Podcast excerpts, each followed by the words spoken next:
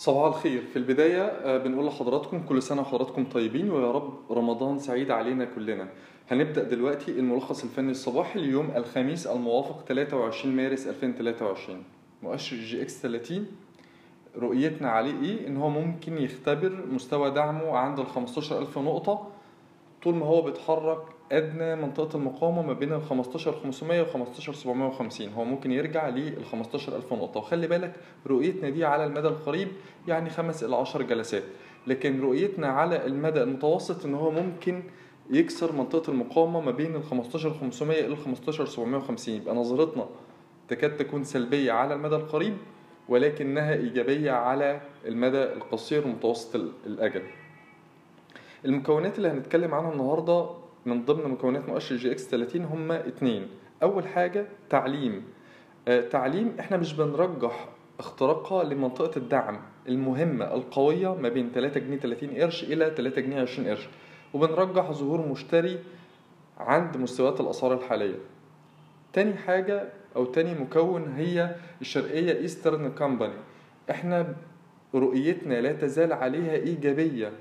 والرؤية الإيجابية دي تتمثل في قدرة الشرقية Eastern Company على استهداف مستوى المقاومة السنوي عند ال 15 جنيه ونص.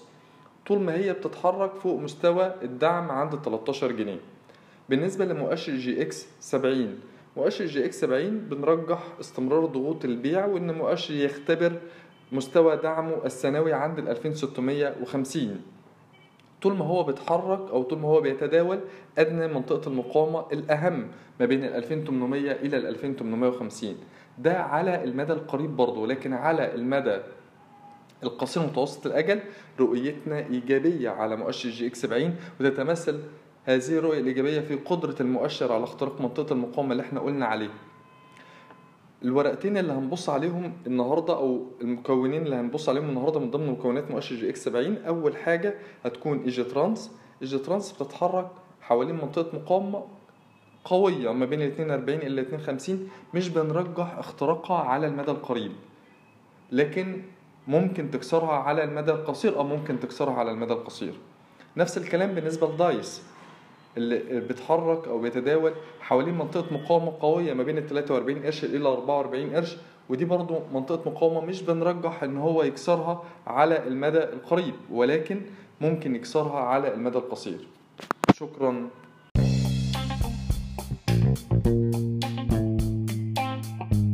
يرجى العلم أن هذا العرض هو لأغراض معرفية فقط ولا يمكن اعتباره عرض أو توصية شراء أو بيع أو إدارة استثمارات أو خدمات استشارية. ينصح باستشارة مستشارك المالي قبل اتخاذ أي قرار استثماري علما بأن الأداء التاريخي ليس مؤشرا يعتمد عليه لتحديد الأداء في المستقبل.